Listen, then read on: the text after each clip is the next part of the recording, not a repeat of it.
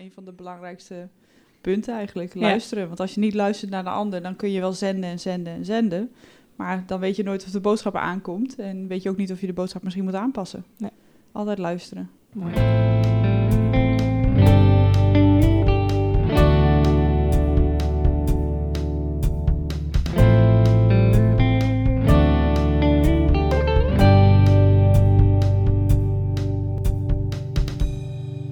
Fijn dat je weer luistert naar Grip op Informatiemanagement, de podcast van IV-experts over de inrichting van informatiemanagement. Uh, als je meer van ons wil weten, dan uh, kun je dat altijd even opzoeken via onze website iv-experts.com. En als je vragen hebt over ons of over deze podcast, laat het dan zeker even weten, want dat vinden we alleen maar leuk. Vandaag zijn we alweer bij uh, aflevering 7 van de 10 en we gaan het hebben over communicatie, houding en gedrag. En wat mij betreft ook een onderwerp uh, wat eigenlijk ook wel een beetje de rode draad is door deze hele serie. Want uh, elke aflevering komt het eigenlijk weer terug. Um, en vandaag, uh, ja, voordat we verder gaan, Wietse en Hester, welkom allebei. Dankjewel. Ja, dank je. Um, en ik duik er maar gelijk in, want hier kunnen we volgens mij heel lang over praten. Maar um, wat verstaan wij onder goede communicatie? Zo. Duik er maar meteen in. ja, ja, precies. Uh, iets is pas goed dat het ook goed ontvangen wordt. Dus het ligt maar een beetje aan uh, hoe die andere kant is. Nou ja, uh, je hebt een bepaald doel te bereiken. En wat je al zei, de rode draad door alle podcasts heen is dus inderdaad die communicatie. Dat is echt een hele belangrijke. En het is maar de vraag hoe die ontvangen wordt. En daar kan je aan de voorkant wel wat aan doen. Dus er zijn wat basisdingen. Um, maar je moet het samen doen. Communicatie is volgens mij twee kanten op. Oké, okay, dus is die, hij is goed volgens jou als die ook op een goede manier ontvangen ja. wordt? Ja. ja. Ja, check. Okay. Eens als de boodschap overkomt, denk ik. Dat is denk ik het belangrijkste. Je wilt iets overbrengen. En als dat bij de ander goed overkomt, dan spreek je volgens mij van goede communicatie. Oké. Okay. En um, uh, ja, nou ja, jij zegt al gelijk. Nou, je hebt, je hebt daar een aantal dingen in die, uh, die je daarin mee moet nemen. Uh, waar moet ik aan denken dan? Als het goed is, en zeker de IV-professionals van deze tijd, die weten uh, heus wel met wie ze te maken hebben. In de eerdere afleveringen is het ook nog voorgekomen. Rondje stakeholder management is geweest. Dus je weet met wie je te maken hebt en ook wat je moet doen. En dat is ook een stukje houding en gedrag. Je weet hoe iemand in elkaar zit, welke drivers die persoon heeft. Je weet wat je moet doen aan communicatie om de boodschap zo goed mogelijk over te brengen. Mm -hmm. um, en, en, en, je weet ook uh, uh, wat je moet kunnen doen, welke tools je kan gebruiken op het moment dat je ziet dat die boodschap niet helemaal het juiste resultaat oplevert. Oké, okay. en hoe kun je dat zien? Dat, je, dat die niet helemaal overkomt zoals je wil? De non-verbale dingen zie je natuurlijk. Uh, de keiharde reacties woordelijk. Ik heb, ik heb wel eens een boodschap proberen over te brengen aan iemand en die zei gewoon letterlijk, maar je denkt toch niet dat ik dat ga doen? Oké, okay, nou dat is een heldere, dat is, is een helder antwoord. Um, maar je kan ook uh, een, een, reactie krijgen van iemand. Ja, oké, okay, ja, prima. En mm. dan is het een positieve reactie tussen ja. Maar het is maar de vraag of dat helemaal goed overgekomen is. Ja. ja.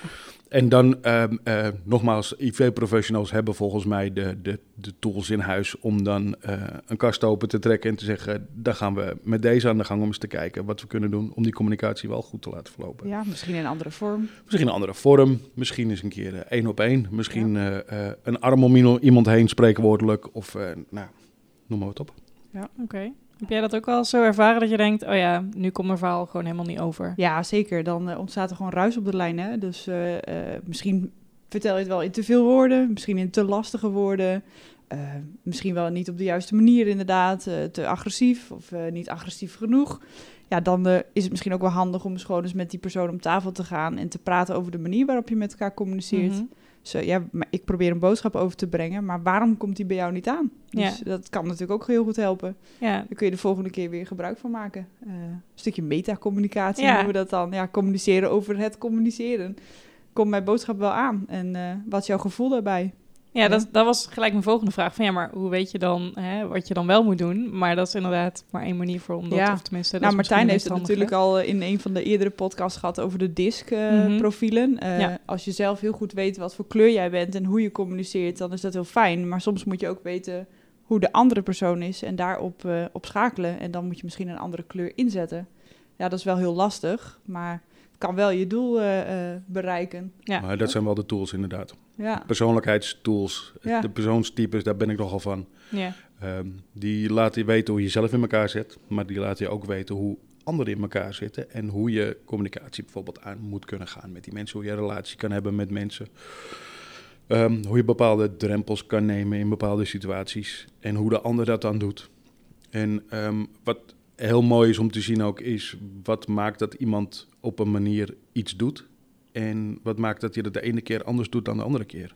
Als jij goed in je vel zit, doe je de dingen anders dan wanneer je niet goed in je vel zit. En ik weet van mezelf welk gedrag ik vertoon op het moment dat ik niet goed in mijn vel zit.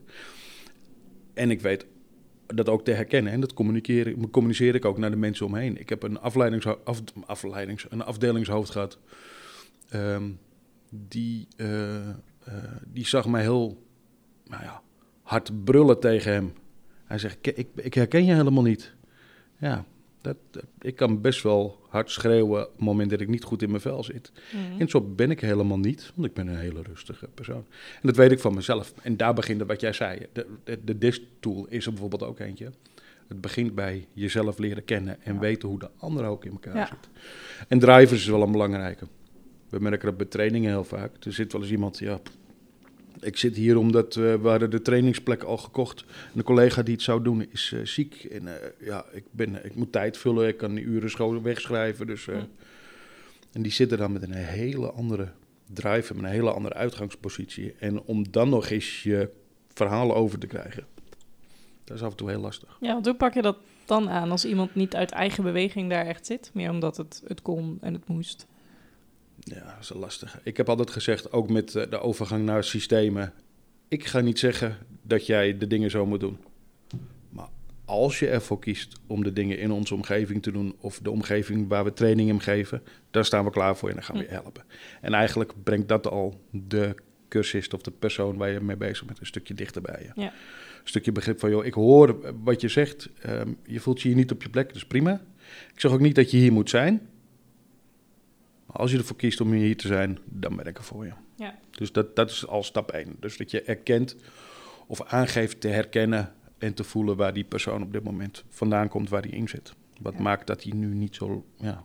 we hebben laatst ook een hele leuke training gehad als uh, trainers binnen IV Experts. En uh, wat daar ook uit voortkwam, is iemand heeft altijd wel een trigger, waardoor hij toch geïnteresseerd raakt om naar jouw verhaal te luisteren. En de mhm. kunst is natuurlijk dan om die trigger te vinden. Dus uh, die persoon die dan in je training zit, die daar eigenlijk niet wil zitten of iemands plekje heeft opgevuld, ja, probeer eens daarmee te praten en te kijken welke trigger kan ik bij jou vinden om toch jou enthousiast te maken voor wat ik jou wil vertellen. En hoe kun je die trigger vinden dan? Um, nou, ga eens in gesprek met die persoon. Hè, van uh, hoe doe jij het dan nu en waarom gaat dat dan goed? En uh, laat die persoon het dan bijvoorbeeld eens uitleggen. Ehm, en ga daar dan eens op terugkaatsen hoe jij denkt dat dat bijvoorbeeld beter kan. En doe dat dan op een manier dat je die persoon aan het denken zet. Waardoor die uiteindelijk denkt, hé, hey, misschien kan ik toch nog wat van jullie leren. Uh, en dan zit diegene alweer heel anders in zo'n training. Let je dan bij zo'n gesprek ook heel erg op de, eh, de non-verbale communicatie? Want ik kan me best wel voorstellen dat dat heel veel zegt als je kijkt, hé, hey, waar trigger ik jou mee? Ja, zeker. Als je ziet dat iemand niet kijkt of niet, uh, niet knikt als je iets mhm. vertelt... of een heel gesloten houding heeft, dan zegt dat natuurlijk al heel veel over de persoon. Ja. En over de manier waarop uh, iemand naar je luistert. Um, en als jij uh, een trigger vindt en je ziet dat iemand opent, hè, dus uh, de armen gaan open, uh, de persoon gaat knikken of meepraten, dan zie je natuurlijk ook dat dat verandert. Ja. En dan weet je, hey, ik heb die persoon nu wel te pakken. Um, zoals ze dat in die training zeiden, de persoon gaat aan en dan kun je beginnen met je training. Ja. Vond ik wel een hele mooie. Ja. ja, dat kun je heel goed zien aan een persoon, of, ja. hoe zijn houding is. Ja, en dat is dus, nou ja, jullie geven zelf allebei ook training, dus jullie weten ook hoe dat is. Maar ik kan me ook voorstellen dat er heel veel mensen luisteren die bijvoorbeeld regelmatig gebruikerstrainingen geven. Dan is het dus echt wel van belang dat je eerst eens even aandacht pakt voor uh, nou, de aandacht van die persoon. Om te kijken waar, waar, uh, waar zit inderdaad die trigger en waar wil die echt naar luisteren. Ja. Oké. Ja, een van de belangrijke dingen die ik zelf uit die training opgehaald heb, want je had het erover, je haalt altijd wel iets uit zo'n training of uit een dag of uit een, uh, een seminar, webinar, noem maar wat op. Uh, is een ervaring delen die je op hetzelfde niveau brengt als de cursisten. Mm um, je gaat uh, vertellen dat iets moeilijk is, want dat is de training. En vervolgens ga je je eigen ervaring delen dat jij dat ook moeilijk hebt gevonden. En ah, dat je dat ook altijd uh, nou, moeilijk vond en dat het nu iets beter gaat. Maar dat je de tools kan brengen waarmee je zelf ook de dingen hebt geleerd. Ja. En ja, dan, jezelf dan, kwetsbaar opstellen. ja, jezelf Ja. kwetsbaar opstellen. Mhm. En dan, eh, nou ja, wat je zei, dan gaan ze aan. Mooi. hè? Dus begrip, toenadering, nou ja, dat zijn allemaal dingen die ook weer terugkomen in de afgelopen podcast. Begrip is er eentje, communiceren Ja. is er eentje. Maar ja, houding en gedrag, eh, dat hoort daar gewoon bij. Ja. Mhm. En luisteren. Luisteren Oh ja, is heel belangrijk. belangrijk. In Misschien communicatie is dat zo. misschien wel een van de belangrijkste punten eigenlijk. Ja. Luisteren. Want als je niet luistert naar de ander, dan kun je wel zenden en zenden en zenden. Maar dan weet je nooit of de boodschap aankomt. En weet je ook niet of je de boodschap misschien moet aanpassen. Nee. Altijd luisteren. Mooi. Ja. Hele belangrijk, hè? En ehm, ik, nou, deze aflevering gaat natuurlijk ook over een stukje houding en gedrag, hè? Eh, want hoe heeft je houding en gedrag effect op je communicatie? Want inderdaad, jullie hadden het net over gesloten houding, open houding, dat soort dingen. Dat zie je natuurlijk bij de ander ook. Maar hoe kun je daar zelf nou heel erg ja, mee bezig zijn? Of in ieder geval dat op een goede manier doen? Ehm, ik zou zeggen door altijd open te staan. Op het moment dat je gaat sluiten. Kijk, ik, zit nu gesloten omdat ik. Maar dat heeft niks met mijn houding te Mm. maken. Dat heeft gewoon dat ik nu even zo lekker zit te maken. Maar ik sta volgens mij prima open. Eh, openstaan is heel belangrijk. Eh, daarmee ehm, eh, stel je jezelf kwetsbaar op. Ehm, en dat zorgt voor begrip. Maar dat zorgt er ook voor dat je open staat voor alles wat op je afkomt. En dan is het objectief. En dan kun je het zelf wel verwerken in, nou, oké, maar dat betekent dit. Dus iemand kan boos zijn, boos reageren, maar dat hoeft nog niet meteen te zeggen dat je daar zelf ook boos van wordt of verdrietig of weet ik. Dat is gewoon een reactie van iemand tegenover je. Mhm. En omdat je daar objectief tegenaan eh, kijkt, zeg maar, kan je die veel beter verwerken. Ehm, dus openstaan in de communicatie is heel belangrijk. Ehm, en eh, er zijn bepaalde technieken voor om dat goed te doen. Eh, niet vermijden is er eentje. Maar soms is het goed om te kijken wat je niet wil, om duidelijk te krijgen wat je wel wil. Ja. Geen schuttinggedrag, dus iets over de schutting heen gooien en succes. Iets wat in onze business gewoon nog steeds gebeurt, wat je nog steeds elke dag tegenkomt. En ook in de communicatie is dat, is dat heel belangrijk. Projecten die eh, moeten landen in de organisatie. Het wordt van bovenaf naar beneden gegooid. En van beneden af zeggen ze, joh, eh, ze doen er toch niks meer mee. Eh, we zien het wel. En dan zit je als IV-professional zit je daartussen. En dan eh, is open communiceren is een hele belangrijke. Openstaan. Ja, ja. Ja. wederom luisteren ook, ja. Ja. Nee, ja, Oké. inderdaad. Ja, open communiceren is heel belangrijk. eh, open houding, openstaan voor iemand. Als iemand in één keer eh, op een andere manier reageert dan dat je gewend bent, eh, reageer dan, dan niet op dezelfde manier op terug. Hè, geagiteerd of geïrriteerd. Maar vraag aan diegene, hey, wat is er aan de hand? Voor hetzelfde geld is er net, eh, net tegen hem gezegd dat een project van hem niet doorgaat of zo. En ja, ga jij daarop terug reageren? Maar dat heeft helemaal geen zin. Probeer altijd open te staan voor de reden waarom iemand ook op een bepaalde manier reageert. Mooi, hè? En ook aangeven, ik zie dat. Ja, Vertel eens, wat maakt dat jij... Nou ja, ja zo gaat het inderdaad. gesprek aan. Ge- ge- ook een stukje interesse in, in andere mensen Stukje altijd interesse, houden. ja. Dat, eh, dat zorgt altijd al voor een goede, goede basis, denk ik. Ja, nou ja, en die ik-regel die, eh, die is natuurlijk algemeen bekend hè, vanuit jezelf. Ja. Dus die passen we ook nog steeds eh, toe. Ehm, Oké, en kijk, in zo'n organisatie, als ik even uitga van eh, de rol van IV-professional, dan heb je natuurlijk dat je eh, op best wel veel verschillende niveaus communiceert. Hè. Soms dan eh, zit je met misschien wel de CIO of de manager om tafel en de andere keer met de gebruiker. Ehm, hoe kun je daar je communicatie goed op aanpassen? Want dat kan, dat hoeft niet, maar daar kan best wel een verschil in zitten.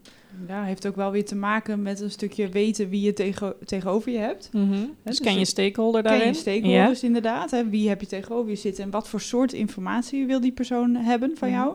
Dus zit je bij een directie, dan, eh, dan eh, verwachten die misschien cijfers of eh, resultaten.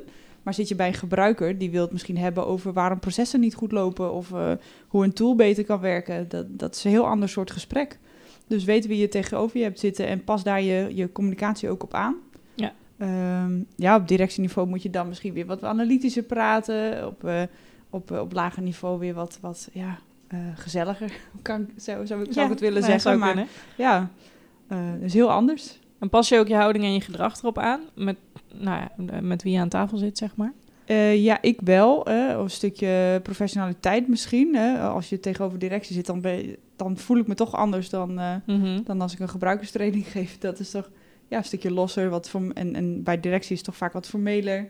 Hangt misschien ook weer van de organisatie af en Ja. waar het gesprek over gaat. Maar als je een presentatie geeft over, eh, over een stukje resultaten en cijfers, dan eh, is dat toch wel vaak wat belangrijker. Dus dan pas ik me daar wel op aan. Ja. Ja. Oké. Hoe doe jij dat? Ik heb dat wat minder hoor. Ja? Als ik een document oplever, is die bij allebei gelijk. Maakt niet uit voor wie ik het doe. Nee, dat is waar. Ehm, ehm, dus allebei volgens mij dat hoge niveau. Ehm, maar ik ga me niet anders opstellen op voorhand omdat ik in een directiekamer binnenkom. Ja, dat heb ik dus wel, maar dat is ook misschien nog een stukje eh, onervarenheid, een stukje uh, jonge, weet ik geen idee dat ik denk, nou, ik kom nu op directieniveau, nou moet ik wel even laten zien wat ik kan. Ja, precies. Nou ja, ik, ik, we hebben het daar eerder ook al over gehad, ook tijdens de clubhouse sessies is het wel naar voren gekomen, um, hiërarchie en zo. Ik ben daar niet meer zo gevoelig voor. Mm -mm. We hebben een, een, een doel met z'n allen. En dat is binnen IV-experts ook net zo. En hier voel ik helemaal geen hiërarchie. En toch heb ik iemand die verantwoordelijk is voor mij als werknemer. Ja. Uh, maar dat is de rol die die persoon heeft. En ik heb ook een rol. En jij ook. Ja. En jij ook.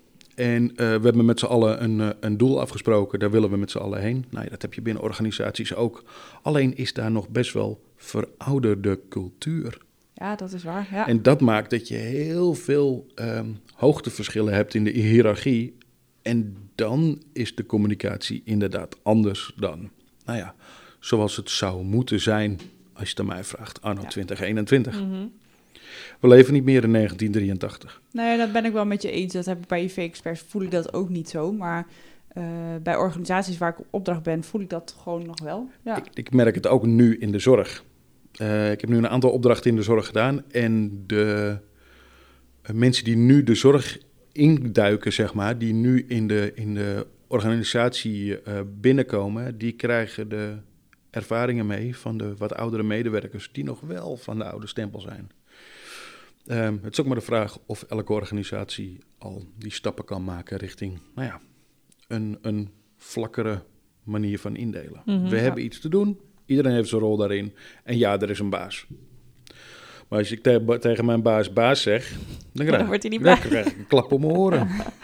ja. ja, nee, dat, uh, daar is niet zo van. Nee. nee, nou ja, en zo zou het moeten zijn. Ja. ja ik sta ook niet elke vrijdag meer hier met een envelopje met uh, salaris op te halen. Nee, dat is waar. Dat Om het vervolgens weg te drinken in de kroeg. ja, maar dat, zo was het vroeger wel, maar dat is ook niet meer zo. Kom. Nee. Dus, uh, dus uh, maar goed, zo zit ik erin. En, ja. en, en ik kan me voorstellen dat, dat mensen daar nog uh, wat anders in staan. Ja, ja. ja. En dan betekent het echt wel wat voor de communicatie ook. Ja. Dat kan ik me echt goed voorstellen. Ja. En, los van hè, of je de hiërarchie voelt of niet, hè, en of je je daarop aanpast of niet, dan is het alsnog kijken welke boodschap wilde je, eh, jouw stakeholder ontvangen. En daar moet je alsnog, denk ik, de communicatie wel op aanpassen. Ja. ja. En als je dan hebt over, uh, want nou, nu hebben we het over verschillende niveaus, maar ik kan me ook wel eens voorstellen dat er mensen zijn waar je echt een hele goede klik mee hebt. Dan gaat het vanzelf of dan gaat het vrij makkelijk vaak. Ja. Maar je hebt niet met iedereen altijd een even goede klik. Dus hoe kun je nou wel op een goede manier communiceren als die klik er niet is? Of als je eigenlijk ja, niet zoveel met elkaar hebt? Je hebt altijd iets nodig. Mhm. En wat mij betreft zijn dat afspraken. Dus in gesprek met iemand waar je niet zo'n klik mee hebt, toch heb je iets te doen. Dan heb je een afsprakendocument. Want dat is in de vorige afleveringen ook naar voren gekomen. Hè? Ja. Dus het gaat om informatiemanagement, informatievoorziening. Uh, je hebt een governance, je hebt uh, uh, van, van afspraken naar realisatie, die stappen heb je. En dan moet je aan de gang. En je hebt een aantal afspraken met elkaar gemaakt, zo gaan we met de dingen om. En um, dat, dat zijn eigenlijk je kaders, je grenzen. Dus op het moment dat jij um, uh, geen klik hebt met iemand, is prima. Je hoeft niet met iedereen door één deur te kunnen. Dat Mhm. geeft niet, maar je hebt nog steeds wel een doel. Ja. Je hebt nog steeds uh, uh, een, een, een doel voor ogen met z'n allen. Uh, en dan maar zakelijk, zwart-wit, strak Ja, uh, aan de afspraken houden. Ja. Dus Ja. dan wordt het informele stuk wordt daarin gewoon iets minder. En dan Ja. pak je hem puur op, hey, welk doel wilden we bereiken? Ja. En daar ga je mee En soms Ja. probeer je dat wel uh, uh, gevoeliger en wat, wat opener te maken door te zeggen van... hé, hey, ik zie dat je gesloten bent of ik heb niet zo'n echte klik met je. Uh, is er iets waardoor we uh, ons contact kunnen verbeteren of zo? Mhm. Maar ik kan me voorstellen dat je daar op de werkvloer dagelijks totaal niet mee bezig bent. Nee. Nee, ik denk dat vanuit onze rol, als wij maar met die open houding komen en goed luisteren naar de ander, dan moet dat ook uiteindelijk wel weer goed komen. En hou je de communicatie gewoon in stand. Zien eten doet eten. Hè? Wij hebben de ervaring nu uh, door de plek waar we zitten binnen de organisatie als IV-professional. En uh, dat is ook wel belangrijk. Ik, ik had het net over um, een, niet de dingen uh, zeggen waar niet bij zit, maar juist dingen doen die je wel wil doen. Ja. Maar de, de, een belangrijke niet is eh, als IV-professional niet toegeven aan. Dus niet zelf denken van, joh, laat maar. Nee, dan juist je kracht tonen en dan juist de verbinding zoeken en dan juist doorgaan. Ja, daar zit juist die belangrijke rol voor die Daar zit de belangrijke rol. Ja. Juist, daar Ja, is hij. En als jij aantoont dat jij open staat eh, voor de ander, dan gaat hij vanzelf ook wel weer open. En dan hoeft het nog steeds niet te klikken. Maar dan krijg je wel een natuurlijkere manier van communiceren Ja. met elkaar. En dan eh, gaat het vanzelf goed lopen. En ik, ik zit nog even te denken, want als je een hele grote organisatie hebt, kan ik me ook voorstellen dat je dus heel veel stakeholders hebt, waar je met heel veel mensen nou, communiceert. Ehm, maar je moet wel nog weten wat je tegen wie gezegd hebt. Hoe, hoe, eh, hoe kun je dat op een goede manier Oh. bijhouden? Wat Dat grappig niet. dit. Het zou handig zijn als we daar als IV-professional een systeem voor hebben. Nou, vertel, ideeën? Nou, Nou, ja. Als je altijd gewoon eh, bij je boodschap blijft, dan hoef je volgens mij ook niet bij te houden wat je nou precies hebt gezegd. Want je draagt in principe altijd dezelfde boodschap uit. Mhm. Ehm, ja, als je in herhaling valt, dan kun je altijd eh, bij degene navragen of dat zo is. Eh, Of diegene gaat het misschien wel aange- aangeven. Maar ik zie, ja, ik weet niet, ik vind dat niet zo'n hele spannende zelf eigenlijk. Ik denk, als je bij je boodschap blijft, dan is dat niet zo, niet zo'n ding. En ja, jij moest gelijk lachen. Nou iets, eh, ja, de, de- ehm, het- we zitten wel eens te, te denken over wat zou het handig zijn als, als we eh, als IV-professional tools hebben of zo. Maar goed, eh, we zijn er nog niet. We kunnen daar nog in, eh, in groeien ook, want eh, we zijn nog maar net eh functioneel beheerder, informatiemanager en nu IV-professional. Ehm, ik hoor wel wat je zegt, maar op het moment dat je als, als IV-professional in een grote organisatie zit, zit je er ook niet alleen. Mhm. Dan ben je ook als team Ja. IV-professionals. En dan wordt het weer een ander verhaal, denk Ja. ik. Ik denk dat daar de oplossing dan in zit. En ik vind het heel mooi wat jij zegt over eh, als je steeds bij jezelfde verhaal blijft. Nou vind ik het geen verhaal, maar is het gewoon hoe je zelf bent. Ja. Ehm, en dat bedoel je ook, dat, dat proef ik. Ehm, dat is mooi, want dan hoef je niks bij te houden. Dan weet je gewoon altijd wat je zegt. Mhm. Daar ga ik wel voor. Dat vind ik wel een Ja. mooie. En jij, ik hoor jou zeggen team. Hè? Als je met een team bent, dan is natuurlijk, zit ook wel weer een crux in. Hè? Want als je met een team bent en je gaat communiceren binnen de organisatie, is het ook wel belangrijk dat je dezelfde boodschap uitdraagt. Ja, Dus dat je elkaar ook niet tegenspreekt daarin. Dus dan is een stukje interne communicatie binnen je team ook ontzettend belangrijk. En waar staan wij nou voor? En wat willen wij uitdragen? En wat is onze boodschap aan de organisatie? Dan voorkom je dat hè, de ene eh, A zegt en de ander B. En dan krijg je natuurlijk zeker weer ruis op de lijn bij je stakeholders. Ja, maar dan begint het dus bij Jezelf. Hoe stel je een team samen? En dan bij jezelf inderdaad. Hoe, ben je, hoe zit je zelf in elkaar? Dus welke rol kan jij binnen het team spelen en bladibla. Eh, de manier waarop we bij IV-experts eh, de, de medewerkers eh, eh, werven... eh, werkt eigenlijk op dezelfde manier. Ja, wij dragen in principe ook allemaal dezelfde boodschap uit waar we ook zitten. ja. Ja. Nou, dat is natuurlijk ontzettend belangrijk, hè? Dat je niet een organisatie eh, hebt waar een van onze consultants zit die een hele andere boodschap uitdraagt dan wat wij als IV-experts willen eh, uitstralen. En Dan, eh, ja dus dat Ja. moet ook wel bij je passen daarin. ja, En, eh, maar hoe zorg je dan dat die communicatie in jouw team ook echt, nou, dat, dat, dat het bij iedereen klopt en dat iedereen die boodschap uitdraagt? Want nou, je hebt regelmatig nieuwe aanwas, of het gaat weer iemand weg, of de, de samenstelling verandert, afdelingen worden her, eh, hergestructureerd of wat dan ook. ja, er komt ook echt wel een stukje terug op, op eh, het leidinggeven. De vorige podcast ging daar natuurlijk over. Mhm. En er werd ook in gezegd dat er soms eh, coaching sessies werden georganiseerd. Ja. Dat zijn altijd hele belangrijke dingen. Er hoeft niet per se een coach bij te komen. Maar ga soms gewoon met je team samen zitten en bespreek je doel nog eens een keer. En, en je, hè, je missie, de missie van het team. Wat, waar zijn we nou mee bezig? En hebben we ook allemaal nog datzelfde idee voor ogen? En als je dat af en toe doet, dan, eh, ja, dan moet dat ook wel goed komen. Dan blijf je diezelfde boodschap ook uitdragen. Ja. Ja, en dan niet van tevoren zeggen, oh, joh, we praten toch en dan komt het wel goed. Nee, ga er Nee. maar eens bewust even bij Ja. stilstaan en ga er bewust maar even mee aan de gang. Ja, Ja. oké. Ja. Dus daar moet je ook echt, eh, echt even een aparte, ja, gewoon een uurtje voor blokken of eh, een sessie voor, eh, Ja. voor Ja, inplannen. het En ook- niet elke week. En ook Nee. dat stukje, daar was in 1983 geen aandacht voor. en dat hoort gewoon bij de organisatie van 2021. Ja. ja, want is het dan dat we eh, anno 2021 zeg maar ehm, meer open communicatielijnen hebben dan, eh, dan vroeger, zeg maar? Ik denk wel dat de communicatie zeker een stuk makkelijker kan, omdat je veel meer tools hebt. Ja, oh ja dat is je kunt eh, zoveel tools inzetten om te communiceren met mensen. En Mhm. eh, m- moet je maar kijken nu met corona. Hè. We kunnen gewoon afspraken voeren via digitale eh, eh, omgevingen. Dus via Zoom, via Teams. We kunnen zo makkelijk met elkaar in contact komen. Ja. Eh, maar ook heel makkelijk een mailtje is natuurlijk ook zo gestuurd. Maar Er zijn zoveel methodes, social media, alles. We maken nu een podcast, is ook weer een manier van ja, communiceren. zeker. Ja, En, En- eh, wat, wat, eh, tegenwoordig is, nou, wat ik al zei, die hiërarchie, die, die is wat mij betreft eh, veel, veel minder aanwezig. Vroeger was het anders. Vroeger had je alleen een direct leidinggevende waar je mee te doen had. En eventueel de direct leidinggevende Mhm. daarboven. Maar de directeur of de grote baas, die kende je niet. Eh, nu is dat anders. En ik, ik verbaas me nog wel eens over het programma Undercover Boss op de televisie. Ja, ja. Dat Ja. mensen die baas dan niet herkennen. En ik van, hè? hoe kan dat? Hoe hè? Je Ja. weet toch wie de directeur is? Ja. Je- dat, dat weet je. Nou, blijkbaar niet, dus. Ja, zien jullie dat nog wel eens? Dat, dat eh, die hiërarchie zo is dat mensen niet weten wie, wie er aan, aan het eind staat, zeg maar? Nou, zo groot heb ik de afgelopen tijd niet meegemaakt. Nee. Nee, ik heb Ja? wel eens bij een grote organisatie gezeten waarbij je wel ziet dat op het lagere niveau mensen niet altijd in contact komen met de directie. Mhm. Maar er zijn Ja. altijd wel eh, events hè, of eh, bedrijfsdingetjes, feestjes, waar ja, die zie je echt wel hoor, die mensen. En mensen weten echt wel wie het is. Ja, Dus Ja, voor een raad ja, van bestuur vind ik dan nog wel wat anders. Ja, als je maar kijkt bij grote ja, organisaties. Die staan maar- wat losser van, eh, van de organisatie, ja. Ja. ja, maar echt inderdaad, de, de, de, nou, de directeuren, die, die zou je in principe... Bij gemeenten bijvoorbeeld, ehm, eh, je hoeft niet te weten wie er allemaal in de gemeenteraad zitten, maar het bestuur, secretaris en dat Ja. soort personen, Ja. die weet je. Ja. Ja, zeker.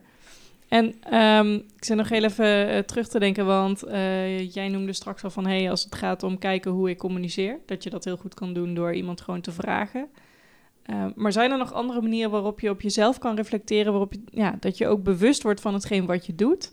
Ehm, en zelf, ja, echt van jezelf kan leren. Hebben jullie daar nog, eh, ja, nog ideeën of tips voor? Zelfreflectie is denk ik altijd wel eh, mogelijk. En je kunt altijd kijken of eh, de boodschap is aangekomen. Kun je op verschillende manieren doen. Het doet iemand ook waar we het over hebben gehad. Mhm. Ehm, is iemands houding veranderd? Of pakt degene ook op wat we nu binnen de organisatie hebben veranderd? Ehm, of gaat diegene met de hak in het zand? Eh, da- dat soort dingen kun je natuurlijk allemaal peilen zelf. Je kunt altijd om feedback vragen. Ehm, je kunt ook eh, een cursus doen natuurlijk over hoe communiceer ik. Dan kun je helemaal eh, jezelf Ja. eh, even analyseren en hoe, hoe doe ik het nou. Maar ja, Dat is wel een belangrijk onderdeel wat je zegt hoor. Gewoon continu blijven proeven van, hey, klopt dit nog? Ja. Om in de metafoor te blijven af en toe even je elleboog in het water te, Ja. te hangen, om te kijken of de temperatuur nog klopt. ja. en ook altijd gewoon weer, weer terugkomend op, maar luisteren. Hè? Luisteren Ja. is echt super belangrijk. Ik eh, weet nog dat ik bij een organisatie heb gewerkt eh, waarbij we een nieuwe applicatie gingen gebruiken. En een van mijn collega's die eh, bleef de hak in het zand zet- zetten van ik wil dit gewoon niet gebruiken. Ik vind het geen fijne tooling. Ik kan er niet mee werken. Ja, en dan is dus de boodschap niet helemaal aangekomen. Maar misschien ook wel. Dat weet je niet. Dus dan is toch in gesprek gegaan met diegene. En het bleek dat eh, eh, de manier waarop zij in Excel werkte... vooraf dat wij naar de nieuwe applicatie gingen... was dat zij het helemaal inzoomde, want haar zicht was heel slecht. Dus zij had Oh. Excel super groot gemaakt, dan kon ze het goed lezen. En dat kon in die tooling niet. Tenminste, dat wist zij niet. Dus dat toch, ja, de boodschap was wel aangekomen. Ze snapte ook wel de toegevoegde waarde van de tooling. ja. Maar het lukte haar gewoon niet. Nee.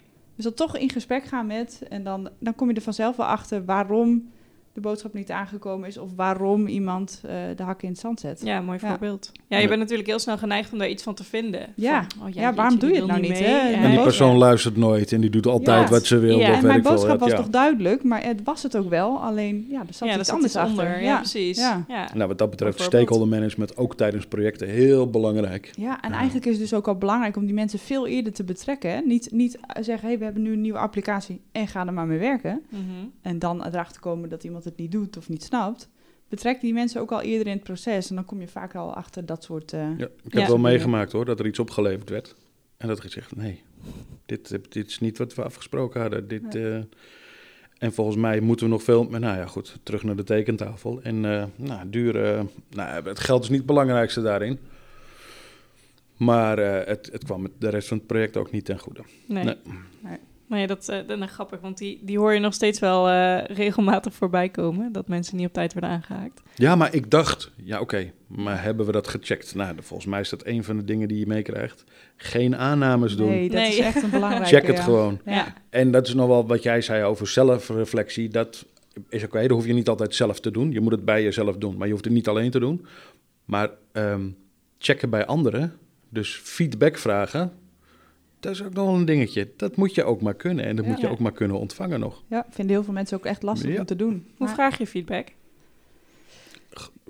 Ja, ja, ja, ik vraag het gewoon heel direct. Ja. Eh, als ik echt wil weten wat iemand ervan vindt, dan vraag ik dat op de man af. Maar ik kan me voorstellen dat mensen dat heel lastig vinden. Mhm. Eh, en ik vraag het ook niet over alles. Eh, maar als ik echt wil weten hoe iets aangekomen is of hoe ik iets heb gedaan, dan vraag ik dat gewoon.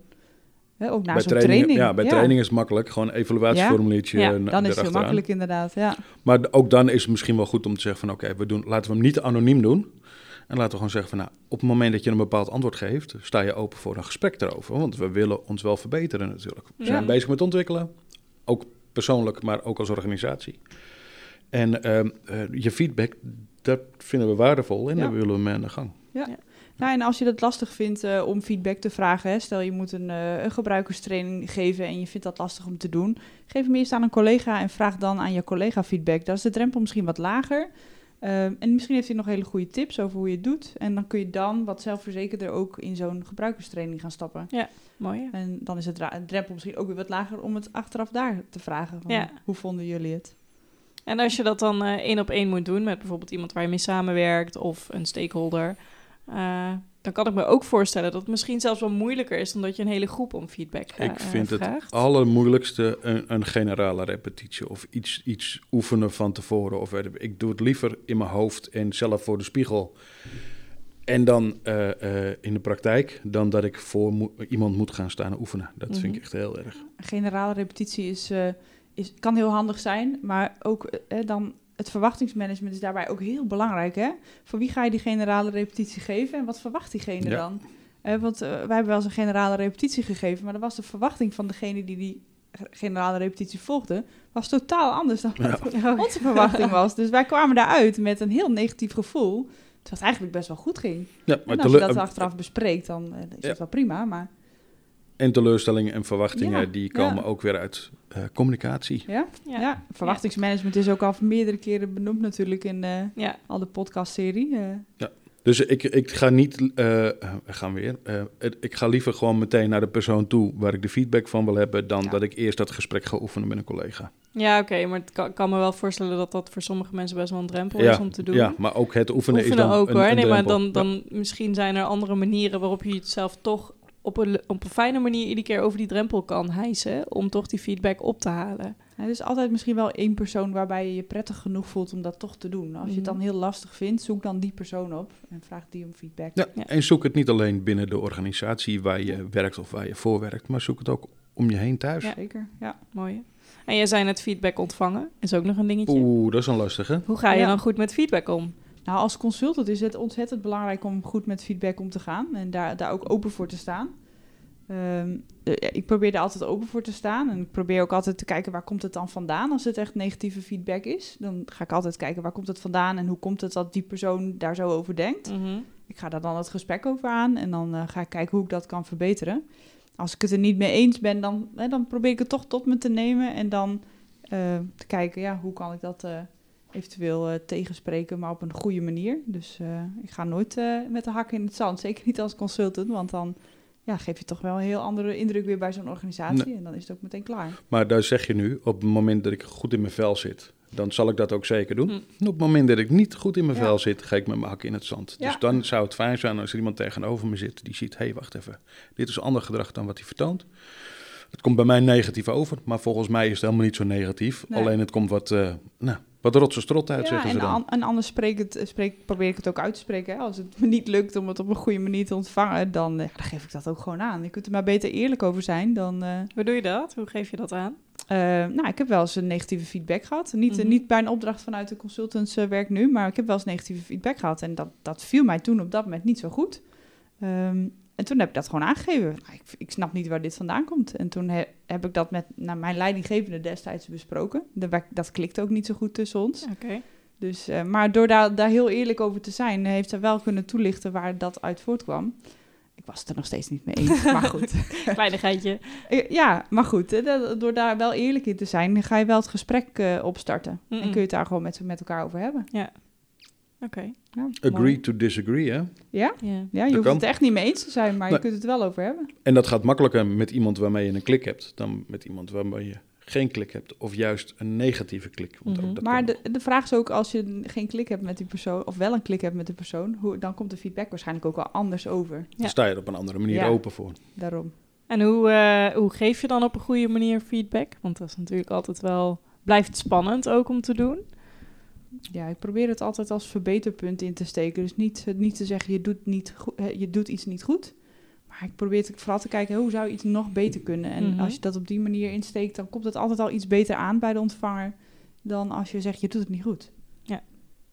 Ja, ik, we hebben het vroeger op de leraaropleiding al geleerd. Eh, geen rode pen.